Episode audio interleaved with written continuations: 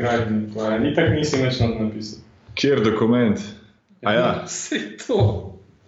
a bi jaz mogel kaj napisati? Ne, Mateoš primor.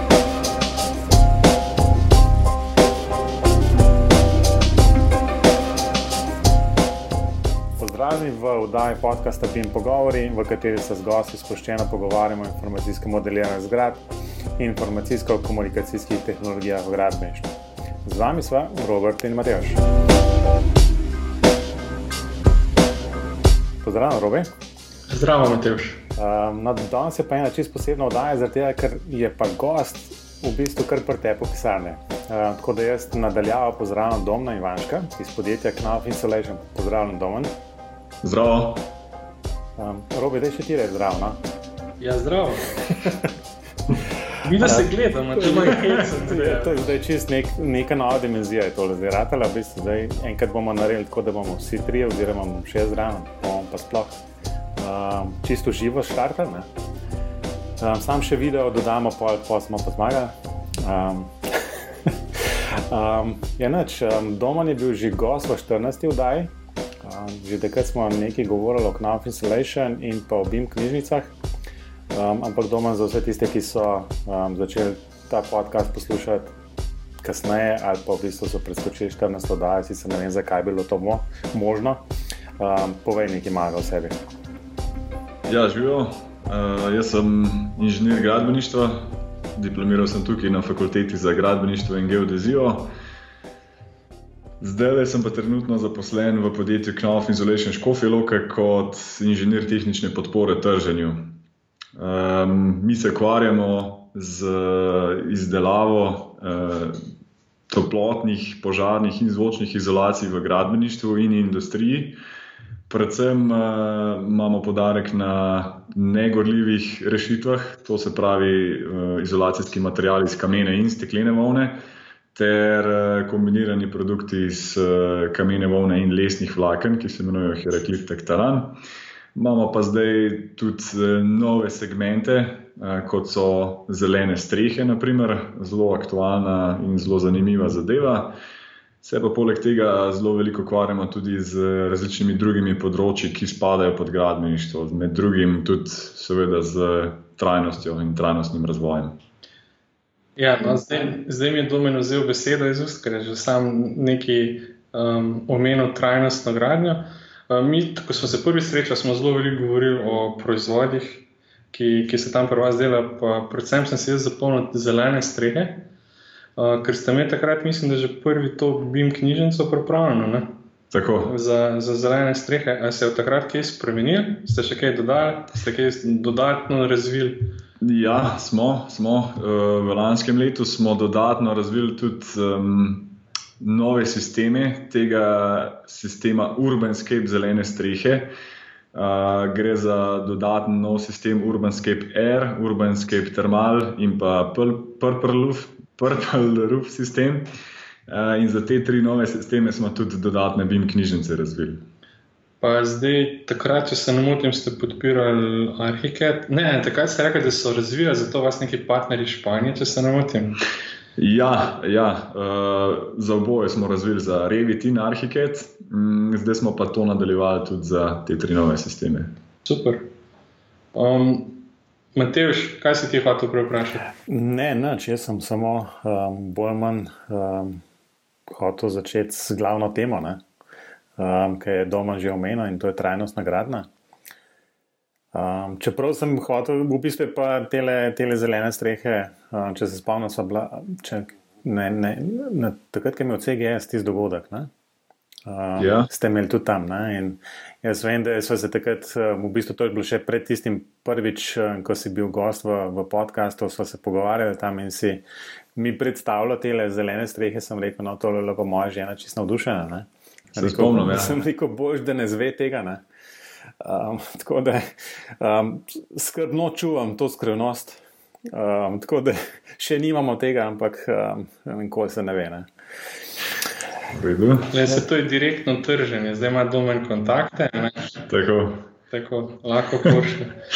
Uh, ja, no, sej, če gremo zdaj na glavno temo današnje knjige, ki je trajnostna gradnja, pa bi mogoče prosil domna, če lahko pove, kaj se trenutno pri njih dogaja. Zaradi česa sem se tudi pogovarjal, da bi opravil še en pogovor na podkastu, ker meni se zdi to vladno zanimivo, kar zdaj počnete. Ne? In sicer izvajate nek nov objekt, ampak kar je najbolj zanimivo, pa je to način, na katerega to izvajate. Ali lahko mogoče kaj več poveš? Ja. V Škofi Loki, um, tako izraven našega proizvodnega obrata, zdaj gradimo en nov objekt, imenuje se Knauf Insulation Experience Center. Kot že ime samo pove, oziroma nakaže, je to uh, demonstracijski center, namenjen um, različnim predavanjem, demonstracijam za vso paleto naših strank oziroma partnerjev, se pravi od različnih projektantov arhitektov, inženirjev in podobno, do izvajalcev, do na koncu koncev končnih strank, ki bodo lahko obiskale ta naš novi center in si na živo ogledali, eh, in si v živo ogledali rešitve. S, v bistvu, če ga arhitekturno opišem, je to nek večji kubus. Z, iz prefabriciranih armirno-betonskih elementov, ki ima seveda stopniščni in dvigalni jašek iz litega betona, Um, zgoraj je še dodatni manjši kubus v drugem nadstropju, ki služi kot uh, dostop do ravne strehe, ki bo seveda ozelenjena z našim sistemom Urbanscape. Zdaj v pritličju bo večja delavnica, ker bodo uh, različni eksponati v večjem merilu, tako da se bo dalo tam tudi v resnici. Uh, izvajati oziroma demonstrirati pravilno instalacijo izolacije, lepljenje fasade, eh, izvedba suhomontažnih sten, stropov eh, in, in vse take različne rešitve, pri katerih ponujamo rešitve. Ne. Tukaj naj še podarim, da tukaj nismo samo mi kot Knauf Insulation, ki smo proizvajalci toplotnih, požarnih in zvočnih izolacij, ampak seveda tudi naše partnersko podjetje Knauf Ljubljana, ki proizvajajo in trži produkte iz manjših kartonskih plošč, profilov uh, in vseh ostalih rešitev, po katerih je KNAV znan, ter KNAV IMF divizija, ki ima pa uh, ubešene stropne sisteme, se pravi na kovinski podkonstrukciji z mineralnimi ploščami, ki so. Večinoma so negorljive in pa tudi akustično izolativne. Se pravi, tukaj bomo kot uh, KNAV skupina, celotna, uh, Poleg tega so popleteni še določeni partnerji, ki so se pridružili temu projektu in bomo gradili tudi njihove komponente in materijale. No, ampak to, to vse skupaj načrtujete v bistvu v BIM-u. Kar je najbolj zanimivo, je to, da se poskušate v vsakem koraku tega BIM procesa obnašati trajnostno. Tako, zdaj. Um, Objekt je bil sprojektiran v BIM-u, natančneje v Revitu, Uh, arhitektura, kar se arhitekture tiče. Strojne elektroinstalacije, žal v tem trenutku, oziroma v tej fazi, niso bile sprojektirane v BIM-u, ampak klasično z AutoCAD-om. Uh, smo se pa že v startu odločili, da bomo ta objekt certificirali po nemški trajnostni schemi DGNB. To bo praktično prva novo zgrajena stavba, certificirana po DGNB schemi v Sloveniji. Uh, poleg tega smo se pa odločili, da projekt prijavimo tudi kot pilotni projekt za novo evropsko strukturno inicijativo Levels. Za tiste, ki morda tega še ne poznate, Levels je neko uh, ugrodje, ki, naj, ki, ki v bistvu opisuje in pa ocenjuje trajnostne kriterije v gradbeništvu. Ne. Uh, v nekaterih pogledih je, je zelo podobno DGNB schemi, tudi lead brijem. V nekaterih primerjih je celo bolj zahtevno od teh, od teh schem. Se pa razlikuje od teh schem, predvsem potem, da je to na ravni Evropske unije in ni privatno oziroma komercialno usmerjeno, kot so naprimer najbolj znane tri DGNB, lead brijem, vel in podobne. Tako da um, zdaj bo dvoletno preizkusno obdobje te schem, uh, in v tem dveletnem obdobju se zbirajo tako imenovani pilotni projekti, ki se bodo v tem obdobju tudi ocenjevali, uh, izdelovali oziroma upravljali se bodo tudi meritve. In um, zbirka baz oziroma rezultatov in izkušenj iz teh pilotnih projektov bo, projektov bo v, nad, v nadaljevanju vodila k boljši oziroma dokončni izvedbi in pa definiciji teh uh, levels schem. Glavni namen tega pa je, da se v prihodnosti v takšni ali drugačni obliki lahko ta inicijativa potem upelje tudi v zakonodajo držav članic Evropske unije, se pravi tudi Slovenije.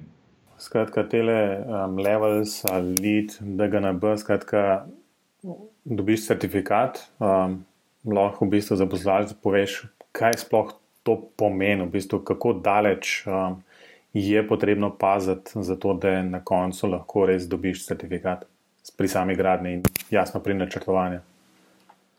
Ja, zdaj je. Ne, vsaka trajnostna schema uh, zelo močno upošteva več dejavnikov, več pogledov. Ne. Ena je sigurno uh, okoljski dejavnik, uh, Potem imamo ek ekonomiko oziroma finančni dejavnik, seveda ni zanemarljiv, ni pa tudi najpomembnejši.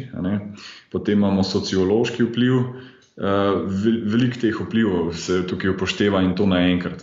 To je zelo pomembno se zavedati, da pač več teh kriterijev naenkrat se upošteva. Zdaj, tukaj je pri posamezni tej trajnostni schemi v, zadju tudi eh, zelo poglobljena analiza um, in pa primerjava teh kriterijev. Uh, tukaj je bilo v preteklosti izvedenih zelo velik analiz, uh, preračunov, simulacij, da so zelo natančno nastavili te uteži, kako nek kriterij z določeno težjo ovrednotiti, da je mogoče bolj ali pa manj pomemben od drugega. Ne? Tako da tukaj se v to ne bi spuščal, ker tega je res ogromno.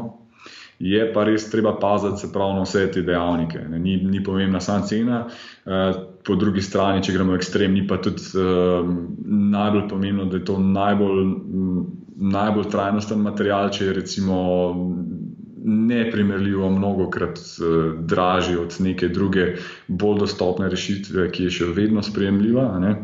Um, Poleg tega, ne, poleg vseh tehničnih zahtev, pa ekonomskih, je pa tudi zelo pomembno upoštevati, kot že omenjeno, sociološke vidike, se pravi, tudi recimo um, prijaznost stavbe do samih uporabnikov in do okolice. Um, tudi samo Lego, ali je to blizu javne infrastrukture, uh, ali mogoče nekje na samem. Eh, upošteva tudi samo zemljišče, ali je to neko zemljišče, ki, ki je bilo eh, prej, eh, ki je prej služilo neki drugi namennosti, ali je to neko kmetijsko zemljišče, ki se je v bistvu zdaj praktično za 50-100 let zapečatilo samo zato, da bo tukaj stala zgradba. Ne. Vse to se ocenjuje, ovrednoti. In na koncu se zbirajo točke, in na podlagi števila točk se po neki schemi potem podeli eden od certifikatov, se pravi, ponovadi to bronast, srebrn, zlat, platinast, kot naprimer pri DGNB-ju, uh, lahko je excellent, uh, outstanding in podobno uh, pri drugih schemah. Pri levelsih, se pravi pri novi evropski schemi, so pa tri nivoje, je pa level 1, ki je osnoven, level 2 in pa najvišji level 3. Um, Vem, da si razlagal, da gre to v take podrobnosti, kot je kontrola vnosa materijalov na gradbišče. Um, zdaj pa me zanima, glede na to, da je to tako zelo kompliciran postopek, ki, ki ste ga dodatno potem še otežili z uvedbo BIM-a, ki je tudi verjetno eden bolj pilotnih projektov, sploh kar se vaših vlastnih projektov tiče. Um, pa me zanima, zdaj te izkušnje iz prve roke, ali ste ugotovili, da vam je BIM pri tem pomagal, vam, ste, vam je kaj olajšal delo ali, ali vam ga še otežil? Ja, zdaj tako. Um, BIM definitivno je, po mojem mnenju, nekaj, kar je, kar je super. Je pa tukaj treba imeti kar poštimane osnove, se pravi, treba imeti uh, klasifikacijo materijalov, uh, dobro določeno že v samem BIM-u, oziroma BIM bazi, oziroma strukturi, uh, kar je pomembno že pri samem projektivnem biroju oziroma podjetju. Zato da res potem, ko se podatki iz BIM-a izvažajo oziroma prenašajo v neke druge baze, da se posamezni materiali oziroma postavke res prenašajo na prava mesta v drugih orodjih. Tukaj je pomembno, da se upoštevajo pravi standardi in pa protokoli.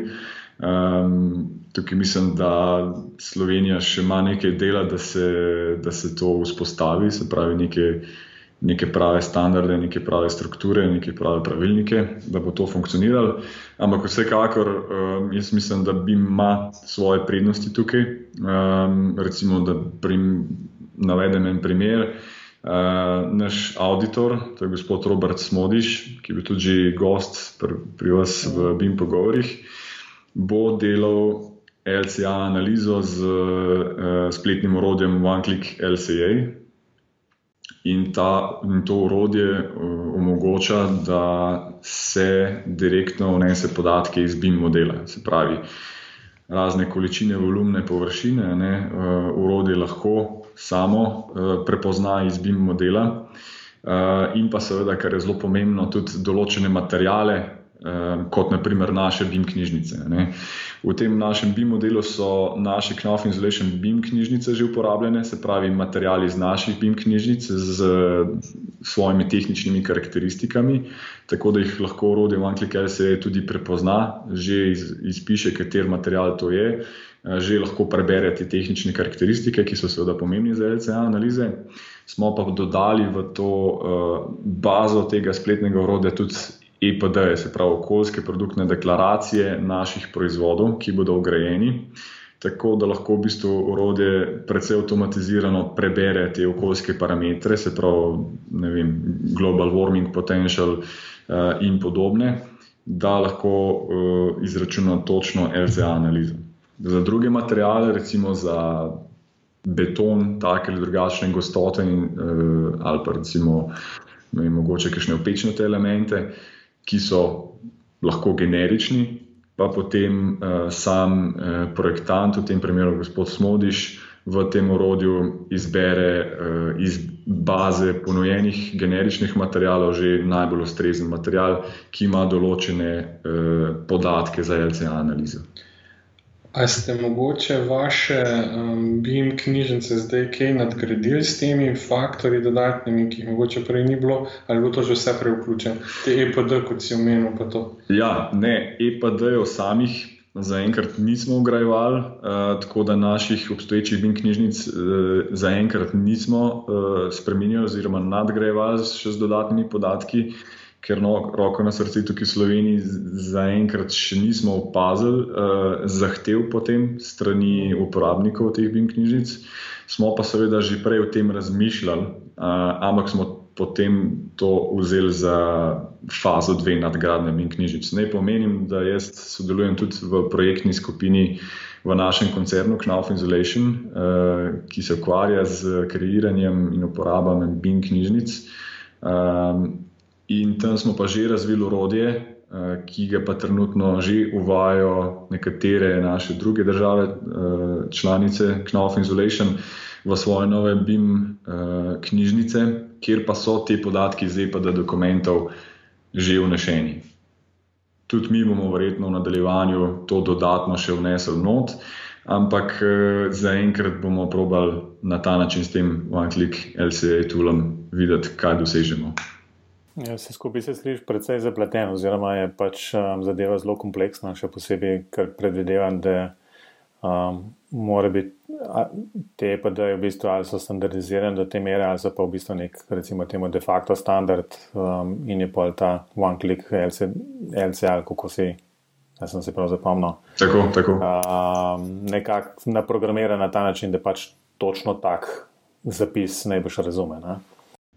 Ja, Zdaj je tukaj zelo pomembno, da se uporablja res um, tiste podatke, ki najbolj natančno opisujejo posamezen gradben produkt in jih temu tudi uh, težijo vse te zelene certifikacijske scheme. Ne. Se pravi, če imaš recimo točno določeno izolacijo, naprimer steklena volna Knauf Insulation ne vem, na, na Turboard nič 35, imaš v ozadju točno določen uh, uh, dokument, okoljska produktna deklaracija, kjer so točni podatki uh, vpliva na okolje za to določeno izolacijo. Ne. Se pravi, niso neki generični, ki so pač neki približek. Za pač neko splošno stekleno volno, ne? ampak za točno določeno našo stekleno volno, ki je naprimer izvedena uh, tako kot vsa naša druga steklena volna po tehnologiji COS, se pravi čist brez fenol formaldehida na osnovi biobnovljivih veziv. Se pravi, so res že upoštevani točni podatki iz proizvodne z naših tovarn, tako da so tudi rezultati LCA analiz res uh, čim bolj točni. Ne. No, se, to je tudi na meni, da bi, bila, da bi pač stanje v naravi dejansko odražalo to, kar um, mi se stanje v modelih odraža stanje v naravi. Um, me pa zanima, glede na to, da ste cel objekt gradili trajnostno, pa da ste morali zagotoviti ogromno neke sledljivosti materijala, pa to, kako ste ok opazili, da je stanje na področju certifikatov, certificiranja materijalov, ki ste jih ugrajevali v vaše stavbe. Ja, tukaj ne omenjam, da objekt je še v gradni.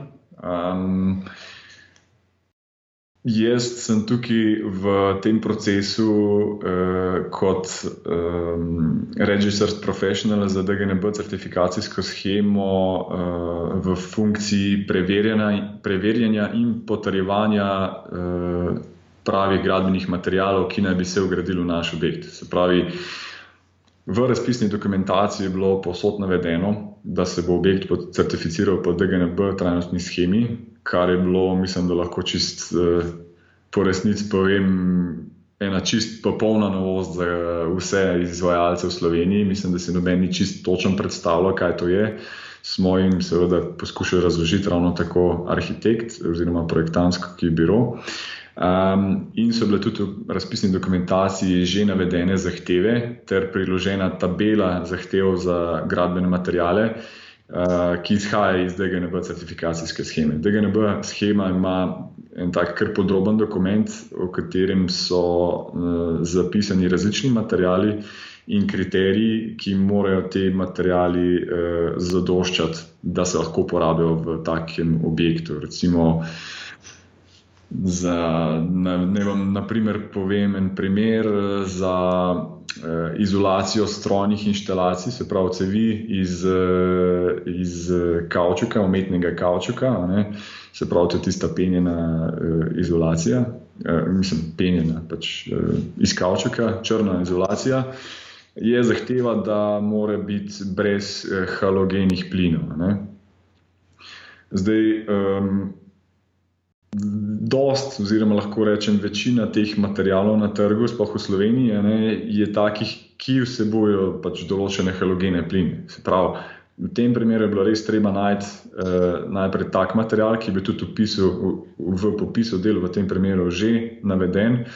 Uh, ki ima res dodatno znako uh, halogen free, se pravi, brez teh halogenih plinov, in samo tak se lahko v, uporabi potem v tem objektu.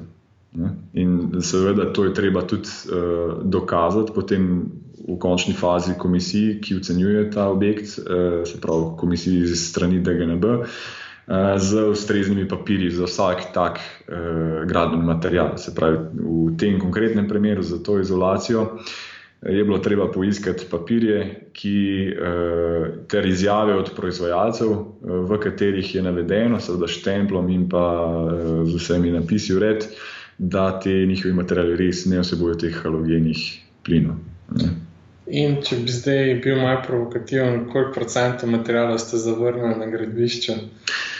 Zavrnili smo nekaj, smo jih, eh, ampak zdaj le so bila v glavnem bolj tista osnovna gradbena dela, se pravi, bolj tisti osnovni materijali. Uh -huh. um, bolje je bilo to, da smo morali Eh, zahtevati eh, materijale drugačne, kot so v, v redni uporabi. Se pravi, izvajalci so ponovadi predlagali tiste materijale, ki jih običajno uporabljajo na gradbiščih, neko običajno opažno olje z neko ugodno ceno, nek običajen bitumenski prednamaski segovanje uporabljati, eh, neko običajno, recimo tole v tem konkretnem primeru izolacijo za hladne cevi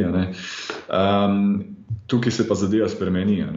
Tukaj pa treba res upoštevati te kriterije DGNB-ja in res posegati po materijalih, ki niso uh, tako zelo pogosto zastopani pri trgovcih, um, se pravi, z res uh, okolju bolj prijazni materijali, z nižjimi vsebnostmi organskih lepljivih snovi. Um, in tukaj smo mogli pa kar nekajkrat uh, pač ukrepati, pa uh, reči, da bomo potrdili samo take materijale, ki temu ustrezajo. Moram pa reči, da um, čas, ki je potreben za raziskovanje in pridobivanje teh ustreznih papirjev, ki jih DGNG schema zahteva, je pa lahko kar, kar dolg v nekaterih primerjih, oziroma zamuden. Recimo, če se zahteva izjava proizvajalca ne, in proizvajalca, recimo ni v Sloveniji, je treba kar nekaj mailov, telefonov uh, ali pa zahtev poslati oziroma izraziti, da se na koncu pride do tega ustreznega dokumenta, ker ti dokumenti običajno niso. Lahko dostopni na spletnih straneh eh, proizvajalcev teh materijalov, ampak jih je potrebno uh, prav posebej po projektu zahtevati. Um, morda še eno vprašanje, ki se nas vse skupaj navezuje glede teh materijalov, kaj pa polo v bistvu, koliko zahteven je pa recimo nadzor, ne? nadzor samega gradbišča v bistvu glede teh materijalov in vsega tega. Ker predstavljam si, da na koncu se to, kar dobiš, je lahko račun ali pa v bistvu pač ta papir, ne? da je ta material uporabljen, ampak koliko nekega dodatnega nadzora je za to potrebno na samem gradbišču. Ja, tukaj moram reči, da je treba veliko več dodatnega nadzora. Jaz, ko v tem primeru um, preverjam in potrjujem materijale, grem tudi osebno potem gledati na gradbišče, da je res točno ta material tudi na gradbišču. Uh, to je zelo pomembno, zelo pomembno zato ker um, na koncu, ko je, ko je objekt zgrajen, se v roku približno 3 do 4 tednov mora izvesti meritve organskih hlapljivih snovi v določenih prostorih, odvisno pač od objekta in razporeditve in tipa prostorov. Kar pomeni, da uh, pride neka tretja, uh, tretja stranka, oziroma neka, neka ekipa, ki uh, je registrirana za izpeljavo teh meritev, te meritve organskih lepljivih snovi v teh določenih prostorih izvede po zelo različnih kriterijih in uh, zelo različnih teh spojinah. Um, in ti testi morajo iti skozi. Pravi, te vrednosti morajo biti dovolj nizke, oziroma niže od predpisanih po DGNB schemi. Če se to preseže, je nevarnost, da uh, objekta ne bodo certificirali. Se pravi, tukaj je res treba imeti dober nadzor, res je treba biti uh, zelo dosleden, um, mogoče lahko rečem, zelo malo stroka, ne, da se ne popušča pri teh zahtevah, in pri teh pravilih, za katere smo se zmenili. Um, ker recimo že vem, napačna izbira barve, laka v notranjih prostorih lahko pomeni bistveno povečanje vsebnosti teh organskih lepljivih snovi. In vse to lahko potem te meritve zaznajo. Tako da tukaj je vloga nadzora zelo pomembna. Kar pa je po mojem mnenju tudi zelo dobra stvar, ne? ker s tem dobimo bistveno boljšo kontrolo nad projektom. Ne? No, sej, če bi bil zelo bi rekel, da bi se moral nadzor na tak način vedno izvajati. Ne? Ja. Pa pustimo zdaj, ali je res tako ali ne. ne? Pustimo to. Ja, pustimo to. um, lahko še eno vprašanje. Um, zdaj, v bistvu, govore bilo o o certifikatih, po materijalih in ne vem, kaj že vse v bistvu slišiš. Pač povedal si, da je material je recimo včasih kar problem, ne? v smislu, kje ga dobiti. To, kar mene na koncu zanima, je v bistvu, koliko se to dejansko podroži, tak objekt. Ja, zdaj, za naš projekt vam tega še ne znam povedati, ker, kot rečeno, še ni zaključen. Um, opažamo pa, da recimo kakšni ti materiali, ki imajo te določene izkaze, certifikate in podobno, um, so dostopni v Sloveniji, nekateri pa pač niso dostopni ravno iz, od slovenskih proizvajalcev, pa treba posegati po recimo. Proizvajalcih iz recimo, Avstrije, Nemčije, ki se seveda lahko dobijo ne, potem na našem trgu, oziroma se dobavijo na naš trg, ampak so morda ravno zaradi tega tudi nekoliko dražji. Ne imamo kakšne primere, kjer je ta cenovno odstopanje tudi zelo opazno, bi temu rekel. Ne? Se pravi, da so nekateri materiali ravno zaradi tega bili bistveno dražji. Ampak eh, vse te certifikacijske scheme oziroma eh, dejansko na nek način malo silijo oziroma spodbujajo proizvajalce materialov, da začnejo bolj množično se ukvarjati, razvijati in proizvajati materijale, ki bodo bolj trajnostni, bolj okolju prijazni. Ne. Kar je dobra stvar, ne. definitivno uh, pohvalno. Zdaj, eh, mogoče pa nekateri proizvajalci tudi v tem vidijo neko tržno niž, nišo, eh, se zavedajo, da pač ti materiali s temi certifikati so potrebni za nekega investitorja oziroma izvajalca, ki bi tako stavbo rad imel in mogoče to mečkem tudi izkorišča. No. To je mogoče moje osebno mnenje, mal, um, lahko da se motim, ampak um, upajmo, da dolgoročno da bo to postala stalna praksa. Če še, če še eno zadevo dodam, ne, v bistvu jaz morda bom kar rekel, da kar delim tole tvoje mnenje. Ne. Še posebej mislim, da sem par dni nazaj poslušal en podcast um, od McKinsey, um, skratka neke finančne družbe um, v Ameriki in je bilo ravno govor o trajnosti, ne, ne samo trajnostni gradni, pa, ampak pač proizvodni kot takšni. Ne in je bilo ravno govor o tem, kako so bolj ali manj podjetja zaznala, da je ta trajnost v bistvu nekaj, kar jim po eni strani omogoča neko optimizacijo nekih notranjih procesov, po drugi strani pa tudi recimo to, da nekako recimo po domače povedano malo navijajo cene, ki je. Um, skratka, samo to bi, bi rekel, da ja, je to primer v gradbeništvu ali ne, v bistvu pač podatkov nimamo, oziroma pač nismo tako blizu temu, da bi to vedel, ampak lahko si pa mislimo, da se bo to rešilo šele takrat, ko bo ta trajnostna gradna zaživela povsod. Um, ker sem zraven, ko si to govoril, razmišljal predvsem tem, um, kaj pa so vsta, recimo, davkoplačevalski denar, pa neka javna naročila in um, neka infrastruktura, um, kjer se vedno v glavnem obnašamo, oziroma se država obnaša tako, da izbere najcenejši, najcenejšega ponudnika, ne? kjer pa bomo zdaj ne boš lahko ugotovili, da, da je najcenejši, sigurno ne bo tudi trajnosten preveč. Ja, tukaj se popolnoma strinjam. Mislim, da tudi do neke mere se to je že do zdaj ugotavljalo. Najnižja cena po mojem mnenju, definitivno ne prinese tudi najboljše rešitve. Uh, kot rečeno, ne, pač finančni vidik je samo eden od večjih vidikov, ne, da, imaš, da imaš kot investitor, recimo, temu najbolj optimalen, če ne že najboljši projekt, kar, kar, kot si, si ga zamislil. Ne. Ja, ampak jaz bi tu še poudaril, da je velika vloga nadzora. Ne vi kot zasebni investitor imate velik interes, pa sami izvajate nadzor. Ne? Če pa država nekaj gradi, pa ima pa pač nadzor na jame, potem pa ta kontrola verjetno malo slabša. Ne? Ja, ne, tudi mi seveda tudi imamo uradni nadzor, absolutno. Ne? Ampak um, tukaj ugotavljamo, da pri takem certificiranju splošni inženirji, da ne bom zdaj koga žalil, pač ne, ne splošni, ampak pač izkušeni inženirji, nadzorniki, vode gradbišč, projektanti in podobno, ne, obvladajo svoje delo, vejo, zakaj gre točno. Um, ko pa enkrat pride v igro še ena taka trajnostna schema, zdaj bodi katera koli že, ne, ki ima tudi svoje dodatna pravila, ki so pa lahko rečem, eh, praktično v vseh vidikih zahtevajo eh, iste zahteve kot eh, nacionalna zakonodaja, poleg tega pa še mnogo dodatnih, bolj ostrih kriterijev.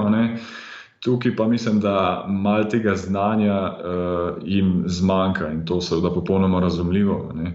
In tukaj pa skoraj res potrebno imeti nekoga, ki je izobražen uh, v tej vrsti gradne, v teh certifikacijskih schemah, uh, da zna tukaj tudi zelo aktivno uh, svetovati, uh, pomagati pri projektu uh, in izpeljati te naloge, pri katerih drugi deležniki v procesu uh, niso dost podkovani z znanjem. Tako da vsaj ena oseba, recimo pri takem projektu, ki ima znanje o teh schemah uh, in o tem procesu, kar nekako bi morala biti prisotna že od faze projektiranja, se pravi od idejne zasnove, to je zelo pomembno, ker tam lahko najbolj vplivamo na končen produkt uh, z najnižjimi stroški, z več podarka na projektiranju, z več simulacijami, izračuni. uh, lahko bistveno boljšo rešitev in tudi na koncu koncev cenejšo uh, dobimo, kot pa če se to šele na naknadno fazi gradnje potem uh, te rešitve doreče oziroma uh, išče.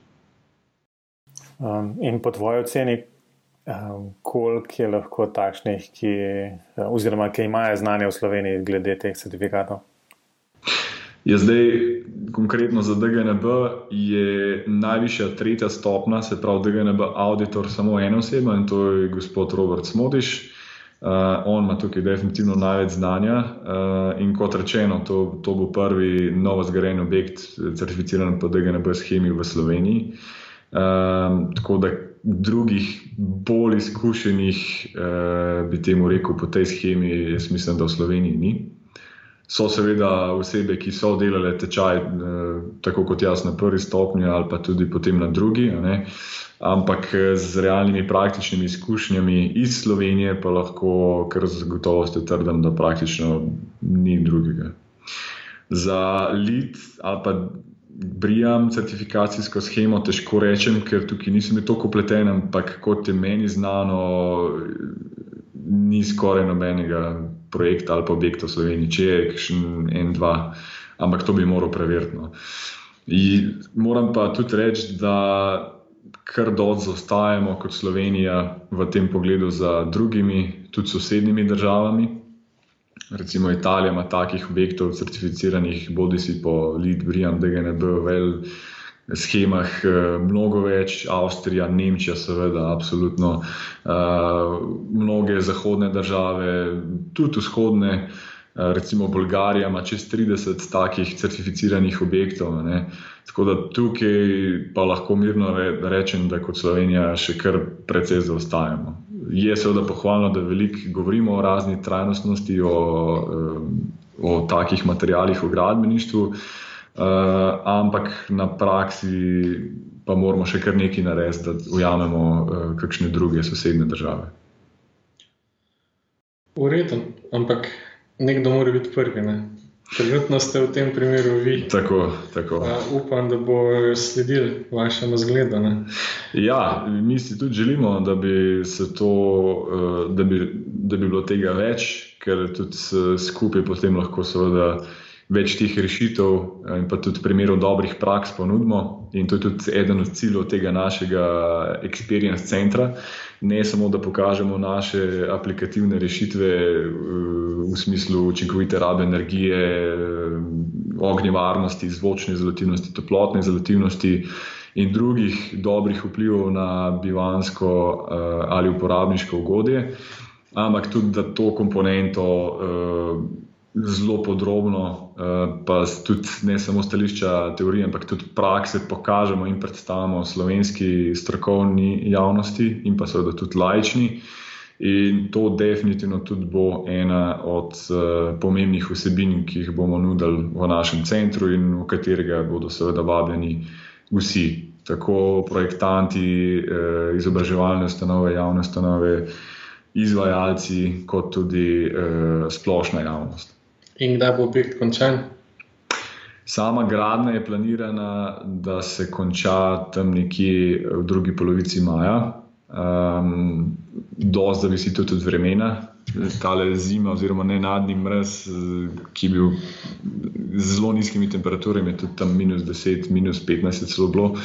Um, je Mečken uh, zaostal gradno, ki pri teh temperaturah tudi lepila ne primejo dobro, tako da pač v nekaterih primerjih uh, po zim pač gradbeništvo po domače povedano odpove in je pač treba Mečken počakati. Zdaj se pa dela nadaljujejo, tako da, um, kot rečeno, to je planiran datum zaključka del, potem seveda sledijo še ustrezne meritve, zbiranje dokumentacije, um, temu upremljanju samega objekta. Uh, objekt pa bo predvidoma odprt uh, nekje konec septembra oziroma v oktobru. Tako je planirano, definitivno pa seveda bo to tudi javno potem naznanjeno uh, in seveda bo, bo tudi vsa javnost, zainteresirana javnost, tudi uradno vabljena v naš objekt. Torej se potem na jeseni slišimo jesen, da boš predstavil. Ja, Upam, da že iz našega objekta. Robi, ne samo to. Um, BIM pogovori bo takrat na terenu, na terenu v živo, um, z videom. Z videom? Seveda. Oh. Super. To je še stvar, da imaš. To, to sem zdaj, zdaj le sem to javno povedal in to, to ne odstopamo tega. Um, Domen, v bistvu, jaz se bom kar zahvalil za, za odgovore in v bistvu vse, vse to, kar si povedal. Um, predvsem tudi to, da si, si vzel čas. Um, tole pač snemamo, recimo, slab teden po, po sejmu dom, ne, kjer si bil najbrž uh, polno angažiran. Um, tako da upam, da si se malo spočil. Mi, tisti, ki živimo v bližini razstavišča, smo si tudi oddahnili, um, ker se da spet dihati, pa voditi z avtom. Um, Vsako potrdim, zgleda spočiti. ja, super. um, povej samo še za konec, um, kje te lahko poslušalci najdejo, oziroma kako te kaj dodatno lahko vprašajo. Ja, Kar se tiče poslovno, je to definitivno uh, na naši spletni strani www.knofinsulation.com. Uh, ehm, mene konkretno, oziroma moje sodelavce, najdete na uh, rubriki Kontakti. um, seveda pa imamo um, na voljo telefon in pa e-mail za svetovanje, se pravi, e-mail se glasi svetovanje afnaknofinsulation.com ali pa telefon 0451141105, tam se ponovadi oglasim jaz, če pa ne jaz, pa moj sodelavec, tako da direktno me lahko tako dobite. Mene osebno pa lahko brez problema dodate ali pa kontaktirate na mojem LinkedIn profilu. Moje ime je kot rečeno Domen Ivanšek, lahko tudi na Facebooku. Um, kot rečeno, za profesionalne oziroma za bolj poslovne zadeve, kar se tiče izolacije, gradbeništva, pa mogoče celo najlažje kar, na, kar prek um, Knauf Insulation podjetja. Ali pa na naslednjem sejmu dom. Ali pa seveda na naslednjem. To bo predolgo trajalo, bi se to en let. Um, enač, hvala lepa še enkrat. Um, ja, jaz se vam zahvaljujem za povabilo. Um, z veseljem se seveda oglasim, vzamem čas. Tako da um, Se pa že veselim tudi vašega obiska v, v našem novem mestu. Absolutno bomo, priš, bomo prišli opremljeni s, s kamero, z, z mikrofoni in bomo to naredili tam živo. No, super. Um, Robi, da si ti povej, um, kaj ti lahko poslušalci kaj pišejo. No, dejte, Robert Afna, klinc, pikanje, nek to piše. Tako. Pa ti, Matejš? Ja, najbolj kar na spletno stran, pejte tam gor se piše. Uh, se ne bom ponavljal. Uh, tako da noč, uh, doma še enkrat iskrena hvala uh, in se slišmo, če ne prej v septembru. Tako je, hvala. Ja, hvala. Adijo. Adijo.